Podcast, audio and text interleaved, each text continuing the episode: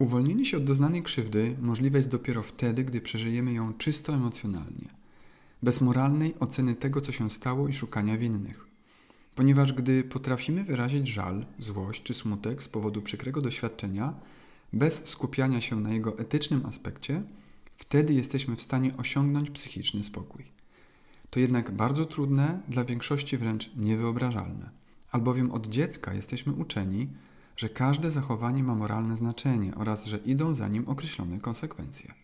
Wszystko przez obowiązującą od setek lat narrację, w której występuje dobro i zło oraz wina i kara.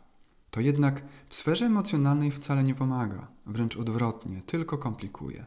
Bardzo utrudnia uwolnienie się od tego, co nas spotkało. Często nawet uniemożliwia, ponieważ ze względu na wspomnianą narrację koncentrujemy się na moralnym ciężarze wydarzenia, które nas dotknęło.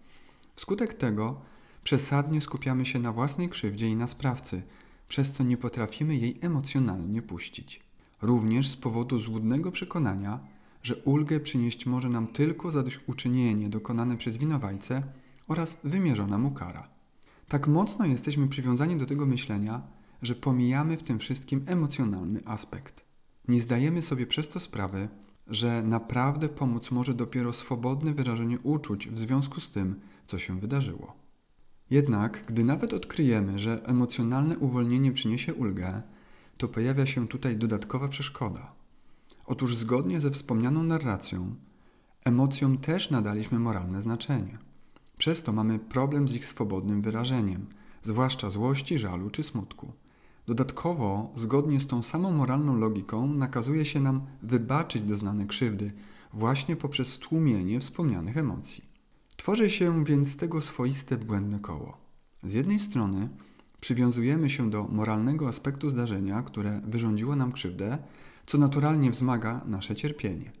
Z drugiej zaś, z powodu tych samych zasad, piętnujących to zdarzenie, zaleca się nam odpuścić, odrzucić wszelkie negatywne emocje, które temu towarzyszą.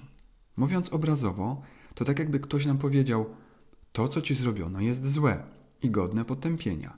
Masz prawo czuć się skrzywdzony, jednak nie możesz na to emocjonalnie reagować, złościć się i czuć żalu.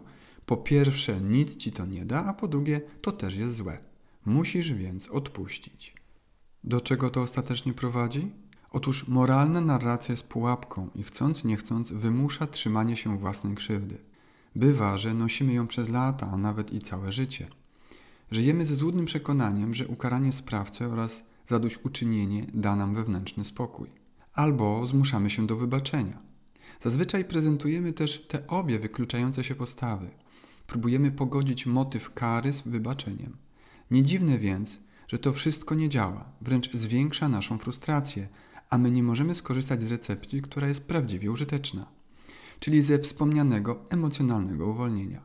To przecież nie mieści się w ramach moralnej logiki.